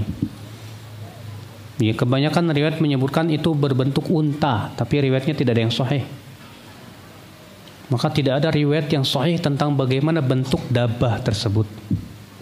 Di mana binatang ini akan membawa cincin Nabi Sulaiman dan tongkat Nabi Musa. Ya, tidaklah ia bertemu dengan orang mukmin kecuali akan mencap di hidungnya jadi putih. Ya di mana binatang ini akan menceritakan bahwasanya orang-orang sebelum kalian dahulu mendustakan ayat-ayat Allah Subhanahu wa taala. Kemudian turunnya apa? Dukhon, asap. Kemudian terbitnya matahari dari barat. Kemudian munculnya api dari Yaman. Yang kemudian api itu akan merembet ke seluruh dunia dan apa namanya mengumpulkan manusia ke Syam. Lalu Allah izinkan ditiupkan sangkakala, hancurlah seluruh dunia. Dan itu Pak bukan dongeng. Itu semua sudah dikabarkan oleh Rasulullah SAW dan pasti terjadi. Kalau kita melihat sekarang tanda-tanda hari kiamat kecil sudah terjadi. Yang antum naiki tiap hari itu mobil tuh tanda hari kiamat ternyata. Ya, Rasulullah SAW mengabarkan nanti akan muncul kendaraan yang punya beberapa pelana. Kata Syekh Albani maksudnya mobil. Mobil ternyata tanda hari kiamat loh mas. Iya. Di antara tanda hari kiamat kata Rasulullah apa? Dekatnya pasar. Pasar berdekatan mall-mall tuh Pak. Kalau antum pergi ke Jakarta, mall-mall deket-deketan. Yang namanya mall tuh kan pasar, Pak. Kalau di Banjarmasin katanya mallnya cuma satu, Mas ya. Tadi jalan-jalan sama Ustaz Ahmad Zainuddin. Nah ini satu-satunya mall di Banjarmasin. Ya. Kalau di Jakarta apalagi di Bekasi itu Pak, mall-mall tuh oh, ngerembet. Ada Giant, ada MM, ada ini, ada ini, masya Allah. Berdekatan tuh pasar-pasar itu. Ya, sebagian ulama mengatakan yang dimaksud dengan berdekatan pasar artinya transportasi sangat cepat sehingga jual beli pun sangat cepat sekali. Ya. Kata Rasulullah di antara tanda hari kiamat lagi apa? Yaitu tersebarnya perdagangan. Sampai-sampai seorang istri membantu suaminya di pasar. Ya. Terjadi munculnya wanita yang berpakaian tapi telanjang. Hari kiamat ya akhul Islam azakumullah wa yakum. Ya, makanya subhanallah kalau itu semua terjadi yang saya sebutkan pun tadi semua akan terjadi. Pasti karena Rasulullah yang mengabarkannya kepada kita ya ahli Islam. Semoga ini semua membuat kita semakin semangat dalam beramal soleh. Iya. Dan kita yakin akan adanya hari kiamat berarti kita harus bersegera Pak bersiap-siap dengan banyak takarub dan beramal soleh. Wallahu a'lam. Baik, kita tanya jawab. Assalamualaikum. Waalaikumsalam. Ustadz, Dajjal itu individu atau kelompok ya? Individu mas, satu orang. Iya. Kan sudah saya sebutin tadi kalau Dajjal itu sudah ada di zaman siapa? Rasul. Ya, di mana Dajjal itu sudah saya sebutkan tadi ciri-ciri fisiknya, rambutnya, bahkan di jidatnya ada tulisan kafaro dan itu kata Rasulullah hanya bisa dibaca oleh orang-orang yang muslim saja. Yang tidak beriman nggak bisa baca. Ya, dari satu orang, tapi dia punya pasukan. Pasukan Yahudi ini dan beberapa pengikut-pengikut yang sudah kita sebutkan tadi ya akal Islam. Apakah dosa pelaku zina akan diampuni oleh Allah? Adakah dosa yang tidak diampuni oleh Allah di dunia ini, Pak? Kecuali syirik apabila seseorang wafat di atasnya. Semua dosa apabila seseorang bertaubat kepada Allah pasti diampuni, termasuk syirik, ya. Asal kita bertaubat. Makanya kan Allah mengatakan ya. Allah Subhanahu wa taala mengatakan dalam surah eh, dalam hadis Nabi wasallam Allah berfirman ya Adam law balaghat dhunubuka anana sama thumma astaghfartani ghafartu lak Hai anak Adam kalaulah dosamu itu memenuhi awang-awang kemudian kamu minta ampun kepadaku pasti aku akan ampuni dosamu Pasti. Makanya nggak ada dosa ini Pak yang tidak diampuni oleh Allah apabila seseorang bertaubat. Semua dosa pasti diampuni oleh Allah Subhanahu Ya baik pemakan riba, bahkan orang yang berbuat syirik pun juga ketika ia bertaubat kepada Allah, Allah ampuni dosa-dosa dia. Ada yang mengatakan tentang sisa umur dunia dari sekarang sampai terjadinya hari kiamat. Ketahuilah, akhi, semua riwayat dan hadis yang menyebutkan tentang umur dunia semuanya palsu. Tidak ada yang benar. Bagaimana? Bukankah malaikat Jibril bertanya kepada Rasulullah, "Mata sa'ah?" Kapan hari kiamat terjadi? Apa kata Rasulullah? Mal mas'ulu anha bi'a'lama minas sa'il. Tidaklah yang ditanya lebih tahu daripada yang bertanya. Dua-duanya nggak tahu. Ya. Maka dari itu ya semua hadis yang menyebutkan tentang umur dunia palsu kata para ulama. Dari penjelasan mengenai tanda-tanda hari kiamat kecil dan besar, bagaimana sikap kita agar istiqomah dalam meniti sunnah dan tidak terperangkap dari fitnah akhir zaman Ustadz? Akhi, sikap kita berarti yang pertama menuntut ilmu jangan lupa. Duduk mengkaji Al-Quran dan hadis penting sekali akhi ya kenapa? Karena Allah menjamin orang yang senantiasa mempelajari Al-Quran dan hadis nggak bakalan kafir selama-lamanya. Allah mengatakan dalam surat Ali Imran ayat 100 wa kaifa takfurun wa antum tutla alaikum ayatullah wa fikum rasuluh. Bagaimana kalian akan menjadi kafir kata Allah. Sementara kalian terus menerus dibacakan ayat-ayat Allah dan pada diri kalian ada Rasulnya. Lihat di sini Allah menjamin bahwa orang yang senantiasa mempelajari Al-Quran dan hadis tak akan pernah kafir. Tapi ingat Pak, di zaman fitnah seperti ini kita harus ekstra ketat dalam memilih guru. Jangan setiap guru kita ambil ilmunya, tidak bisa. Tidak setiap orang yang bicara agama bisa diambil ilmunya Pak. Kalau di zaman Imam Imam Ahmad dulu, Pak, setiap orang mau mengambil guru itu mereka perhatiin dulu dua bulan, ya. Kata mereka, kunna idza aradna an na'khudhal hadis min ahadin jalasna syahrain. Kami kalau mau mengambil sebuah hadis dari seseorang, kami akan duduk dulu memperhatikan orang ini. Dan kami bertanya-tanya ke orang-orang. Sampai-sampai yang ditanya berkata, Apakah kamu ingin menikahkan dia dengan anak wanitamu? Penting pak. Supaya kita nggak salah dalam menuntut il, ilmu. Ya. Zaman sekarang ini aduh pak, syubhat merajalela pak. Ya. Makanya kata siapa? Ibnu Umar, dinaka dinaka innama huwa damuka walahmuka agamamu jaga agamamu jaga ia adalah darah dan darah dagingmu sendiri. Khudh 'anil ladzina istaqamu wa la ta'khudh 'anil ladzina malu. Ambil dari orang yang istiqomah, yang lurus. Dan jangan kamu ambil dari orang yang menyimpang, kata siapa? Ibnu Umar. Ya. Yang ketiga, supaya kita istiqomah, penting kita punya teman-teman yang soleh, Pak.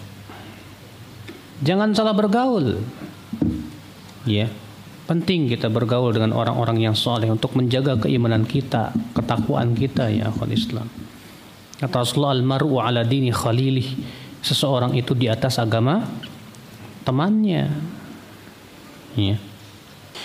Berilmu itu seperti apa sih Ustadz? Ya berilmu itu artinya kita menguasai suatu perkara dengan dalil-dalilnya. Itu berilmu. Kalau antum belajar tentang wudhu dengan dalil-dalilnya, kemudian antum kuasai, berarti antum sudah berilmu tentang wudhu. Tapi kalau antum cuma tahu tata caranya, nggak tapi nggak tahu il, dalilnya, belum berilmu disebut. Itu namanya baru ngikut-ikutan. Itu namanya taklid. Ya. Disebut berilmu kalau kita sudah tahu dalilnya dan kita sudah menguasainya. Itu berilmu namanya, Pak. Bagaimana seseorang yang berilmu sedikit untuk menjelaskan sesuatu kepada yang belum berilmu? Apakah harus kita mengajak orang yang tidak berilmu tadi ke orang yang berilmu atau menjelaskan kepada mereka yang kita tahu saja? Iya. Kalau memang kita ya sudah tahu dan betul-betul menguasai satu permasalahan itu, sebatas itu saja jelaskan kepada dia. Adapun yang kita belum kuasai, belum kita ketahui, maka rujuklah kepada para ahli ilmu yang tidak boleh dia kemudian memaksa-maksakan diri berbicara dalam perkara yang yang tidak kuasai.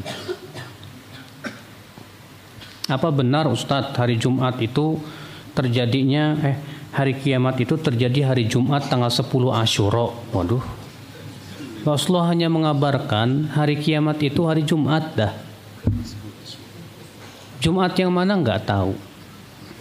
Iya, apakah 10 Asyura atau 10 Legi atau 10 Kliwon nggak paham. Nggak ada keterangannya dari Rasulullah Shallallahu Alaihi Wasallam. Rasulullah hanya mengabarkan bahwa hari kiamat terjadi di hari Jumat. Dah selesai. Kami sebagai awam wajib menyibukkan diri dengan menuntut ilmu dan berbagai dan berbagai media sudah banyak tersebar seperti video-video kajian di internet. Bagaimanakah kami memilah milah guru yang bisa kami ambil ilmunya Ustadz? Nah, hati-hati mas. Yang paling cepat itu adalah dengan cara musyawarah dengan para ahli ilmu yang sudah sudah kita kenal. Dahulu para penuntut ilmu itu kalau ingin pergi ke suatu negeri mereka bermusyawarah dulu dengan gurunya. Hai guru, aku mau pergi ke Baghdad. Dengan siapa aku duduk? Maka kemudian gurunya memberikan wasiat. Ya. Seperti Imam Al-Hakim memberikan wasiat kepada muridnya yang mau pergi ke Baghdad. Hai anakku, kalau kamu pergi ke Baghdad jangan tergesa-gesa untuk langsung duduk di majlis ta'lim. Perhatikanlah dulu oleh kamu Iya. Apalagi di internet mas, di YouTube itu oh, banyak banget kan sabrek-abrek. Maka jangan kita setiap orang yang berbicara agama langsung kita ambil, tidak bisa. Imam Al-Barbari mengatakan apa? Fandur rahimakallah kulla man sami'ta kalamahu min ahli zamanik fala ta'jalan hatta tanzura fih. Lihat oleh kamu setiap orang yang berbicara di zamanmu tentang agama Jangan tergesa-gesa kamu terima atau kamu tolak, jangan. Sampai kamu periksa dulu. Ya, penting itu. Maka coba antum misalnya ya di sini berguru kepada Ustaz Ahmad Zainuddin misalnya. Antum tanya ke beliau, Ustaz, kenal nggak Ustaz ini? Bisa nggak saya ambil ilmunya? Dengan cara seperti itu insya Allah ya kita musyawarah dengan ahli ilmu ya akhi. Jangan kita menganggap wah ini ulama dengan pandangan kita sendiri bahaya. Saya berikan misal. Kalau antum ya bukan ahli jahit, antum menganggap nih jahitan bagus. Tapi orang yang sudah ahli dalam menjahit akan bisa lihat jelek. Kenapa? Dia ahli. 30 tahun di dunia jahit menjahit sudah paham betul pas dia ngelihat oh jahitannya jelek lah kita yang nggak tahu jahitan ngelihatnya bagus ya masya Allah ya. orang yang ahli bangunan pak Sebatas dia melihat bangunan aja, jelek ini bangunan. Dia paham. Dia ahli sipil, dia paham betul bangunan. Kita yang nggak paham bangunan, bagus ya, masya Allah. Bagus apaan kata yang ahlinya. Ya begitulah kita. Orang awam ketika ngelihat ada orang yang pintar bahasa Arab, bawa dalil, wah, wah, wah, ulama. Iya, dia menilai dengan keawamannya tersebut. Makanya akhi, di situlah penting untuk bertanya kepada ahli ilmu supaya kita kalau kita ingin betul-betul selamat akhi. Ya, sembarangan akhi musyawarah dululah dengan para ahli ilmu yang kita sudah yakini keilmuan dia. Sebelum hari kiamat apakah kaum muslimin sudah meninggal dunia semua? Ya. Karena Rasulullah mengabarkan la taqumu sa'a illa ala syiraril khalq. Tidak akan tegak hari kiamat kecuali kepada seburuk-buruknya makhluk. Jadi sebelum hari kiamat tiba Allah akan kirimkan angin yang lembut yang akan mencabut nyawa setiap muslim. Jadi ketika kaum muslimin sudah mati semua meninggal semua, baru kemudian tegak hari kiamat. Jadi selama masih ada muslim di muka bumi nggak bakalan kiamat pak, nggak bakalan kiamat. Tentang ciri fisik Ya'juj dan Ma'juj itu gimana ya Ustadz ya? Apakah punya kekuatan khusus? Kata Rasulullah, Ya'juj dan Ma'juj itu sigharul a'yun matanya sipit. Ya matanya apa? Sipit. Kemudian uh, wajahnya itu keanah majan mutraqah seperti tameng seperti apa? Kayak kayak kayak perisai wajahnya mirip kayak perisai pak. Kayak gimana ya? Pernah ngeliat? Bulat kali ya? Kan tameng itu bulat kan? Ya kayak perisai. Wajahnya sipit kayak perisai. Ya nah itu ya akhi azakumullah. Ciri wajahnya apa namanya Yajud dan Ma'jud. Sebagian ulama seperti Syekh Abdurrahman Asadi mengatakan maksudnya orang Cino. Sebagian ulama, tapi ini pendapat sebagian ulama. Tapi kebanyakan ulama mengatakan bukan. Kenapa? Karena Ya'juj dan Ma'juj ini belum keluar. Sebab Allah mengabarkan bahwa Ya'juj dan Ma'juj akan keluar dari segala arah. Sementara sekarang belum keluar. Berarti bukan orang Cina, bukan. Ya, kan sipit ya, kan nggak harus sama kan. Ya. Kenapa Syekh Abdurrahman As-Sa'di mengatakan bahwa Yajud dan Majud itu ya orang Cina itu kata beliau karena Allah mengatakan watarokna ba'dahum yama idzi yamuju fi ba'd. Dan kami biarkan sebagian mereka ya bercampur dengan yang lain. Berarti gaul, berarti Yajuj dan Majuj akan bercampur dengan manusia yang lain. Iya. Nah zaman sekarang Allah alam yang jelas ya yang rajih Allah pendapat jumhur bahwa Yajuj dan Majuj belum keluar. Kenapa dalam hadis mengatakan bahwa Yajuj dan Majuj terus membolongi apa? Rodma, rodem itu ya, bendungan itu yang dibangun oleh siapa? Tulkornain itu. Setiap kali mau bolong mereka mengatakan ayo kita baik lagi besok. Ternyata kuat lagi, kuat lagi. Sampai suatu hari kata Rasulullah mereka ketika telah mulai bolongi dan hari sudah sore mereka berkata ayo kita bolongi lagi kita besok insya Allah. Dia mereka mengucapkan insya akhirnya ternyata berhasil dibolongi keluar. Berarti berdasarkan hadis itu Yajud dan Majud belum keluar, belum. Iya. Dan sebagian ulama mengatakan Ya'juj dan Ma'juj itu dua kabilah. Kabilah Ya'juj dan kabilah Ma'juj. Iya. Dan mereka pasukan yang nggak bisa kalah, Pak. Rasulullah mengatakan mereka pasukan yang tidak mungkin kalah. Sehebat apa pun, antum punya kungfu apa pun kalah. Ya. Karena kuat sekali mereka itu. Yajud dan Majus itu.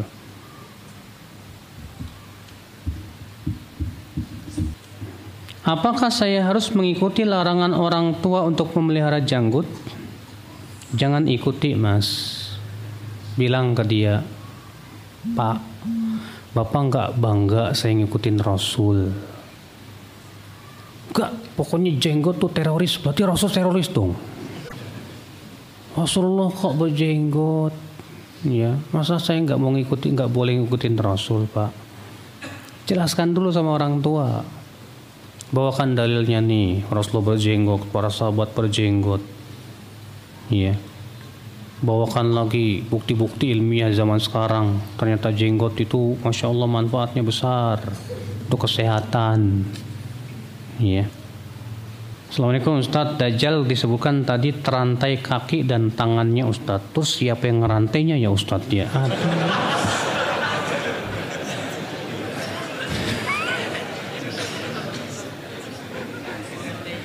Mas yang kayak ginian gak usah tanyain mas sama aja gini.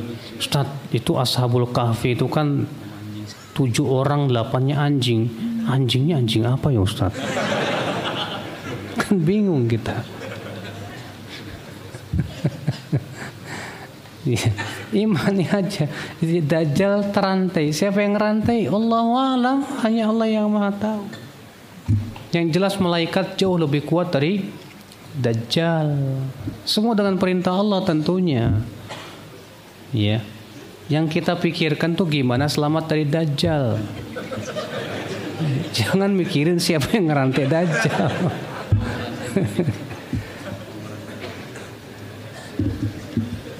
Masya Allah. Kuis katanya nih. Tebal sekali mas. Bencana dan peperangan akhir zaman. An-nihayah fil fitan wal malahim. Pertanyaannya. Siap-siap ya. Mudah kok insya Allah. Hah? Panitia nggak boleh. Di mana-mana peraturannya panitia nggak boleh.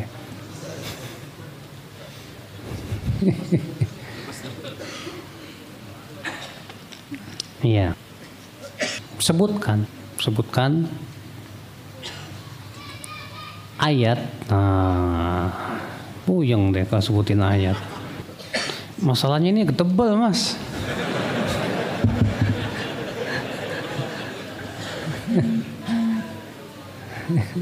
Iya, sebutkan ayat yang menyebut menyebutkan bahwa ahli kitab akan beriman kepada Nabi Isa. Kan tadi saya sebutin tuh barusan. Sebutin. Ayo Pak, silakan. Apa? Ali Imran ayat 101 salah.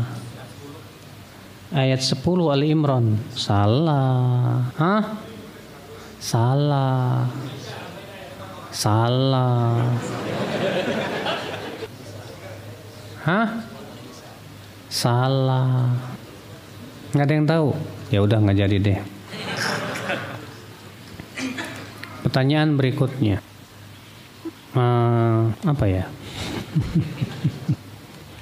Sebutkan tiga tanda munculnya Imam Mahdi.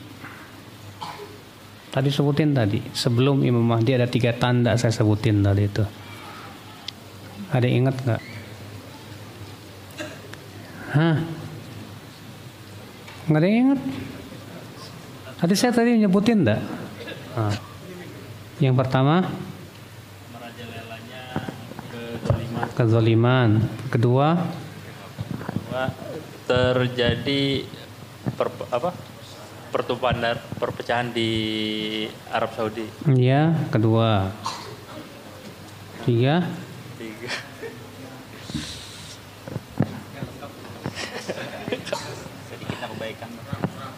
Mm -hmm. klik diajal.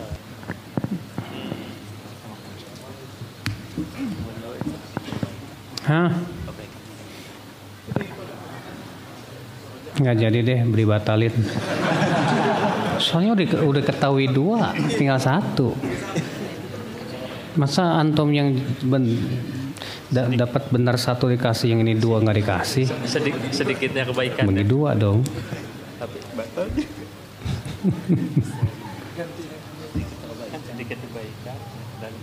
Pertanyaan selanjutnya.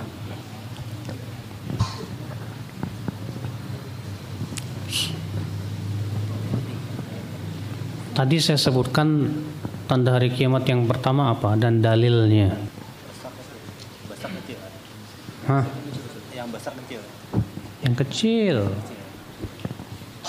Yang pertama kali saya sebutin apa tadi? Diutusnya Rasul. Nah, dan dalilnya tapi Hah? Dalilnya? Ya, di belakang. Dalilnya itu. Riwayat siapa, Mas?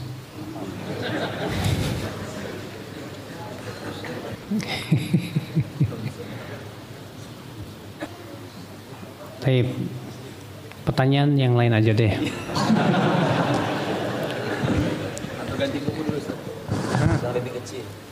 Ini aja nggak bisa dijawab pertanyaannya ajib sih.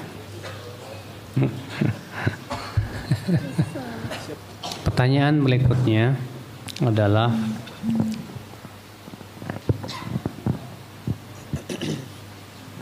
apa ya? Sebutkan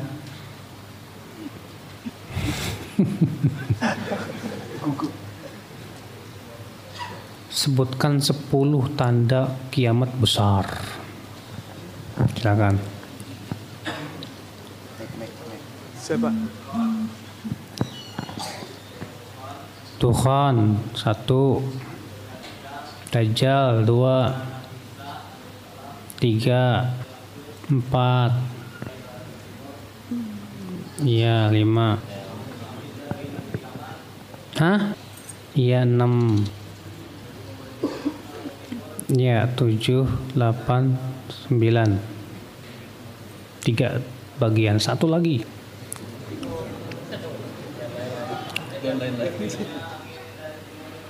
Sah, bukan.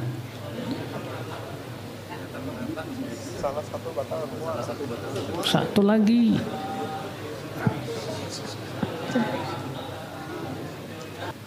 Hewan tuh, melata bagus.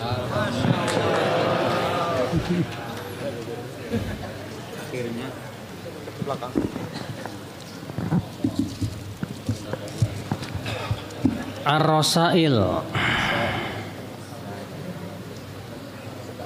Kumpulan risalah fikih dan hukum.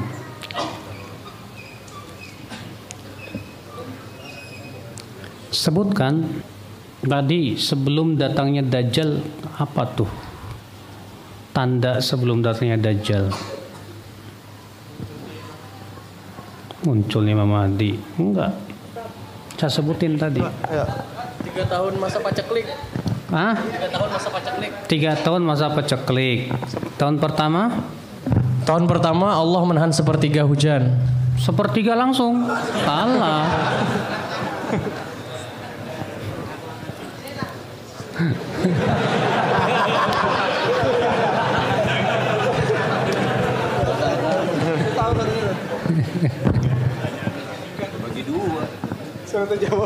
Ganti pertanyaan.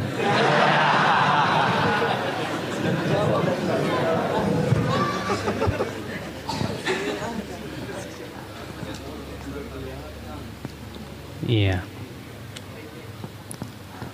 Sebutkan siapa nama Imam Mahdi dari keturunan siapa? Coba Bapak tuh. Ya, silakan Pak. Ya. Ya.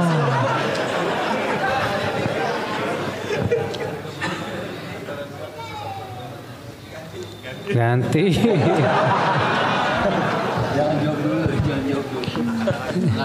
Eh, sebentar Tat, biar panitia yang nentuin nanti siapa yang berhak menjawab Iya, ya. Biar enggak ini.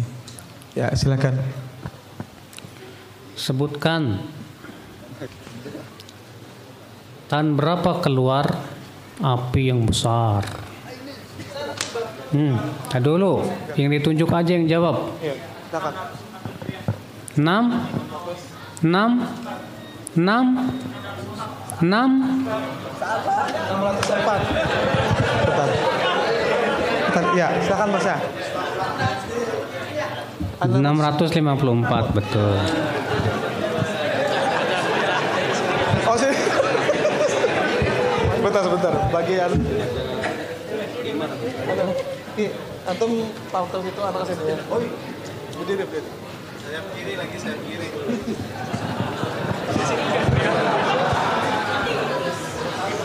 antum di situ. Ya.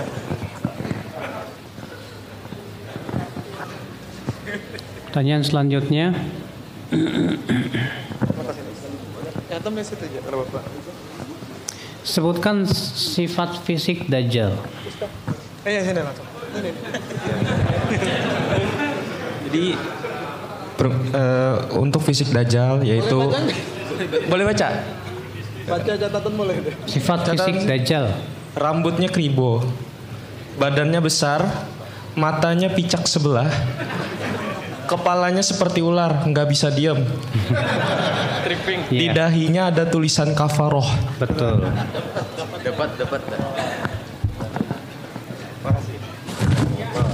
Sebutkan tiga pengikut Dajjal.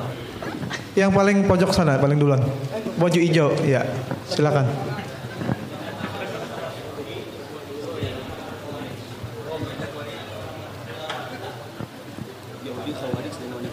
Ya. Iya, betul. Silakan. Apa?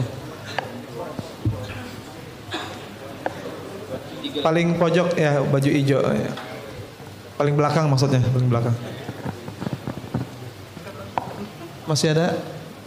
Iya, masih tiga pertanyaan ya. Siap, siap. Tiga pertanyaan lagi. Sebutkan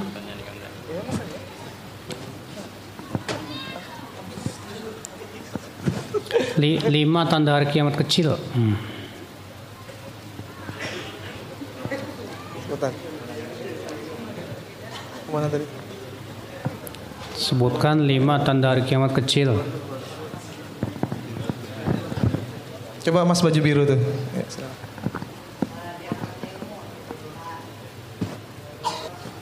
Terus apa ya? Hah? Kolam. Kolam renang. Ingatnya pena. Pena siapa? Salah. Ganti ya? Hah? Lima. Tadi yang dua dibatalin ya. Berarti an- silakan sebutkan lima tapi selain yang dua tadi. Bingung ya? Silakan. Yang mana? Ya, kita, kita coba menghargai yang di luar ya. Coba. Ya, coba jawab. Masuk ke dalam. Kita kasih penghargaan dia di luar bisa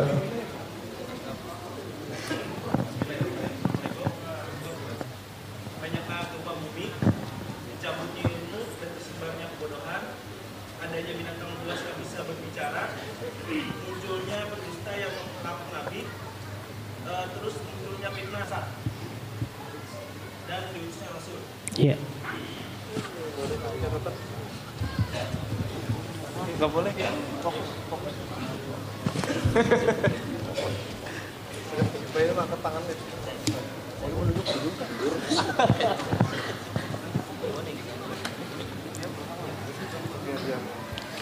Pertanyaan selanjutnya yaitu bagaimana caranya selamat dari dajjal? Ya, silakan Mas yang baju putih ini.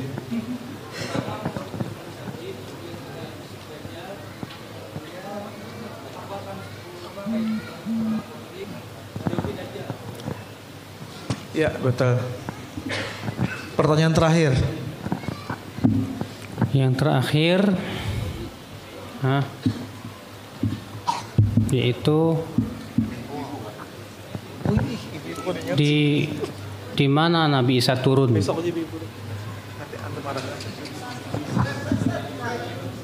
Di mana Nabi bisa turun?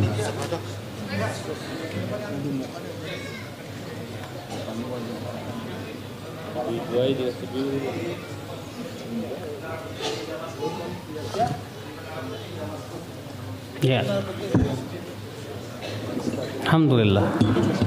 Tutup subhanakallah bihamdik syahadu an la ilaha illa anta astaghfiruka. Assalamualaikum warahmatullahi wabarakatuh.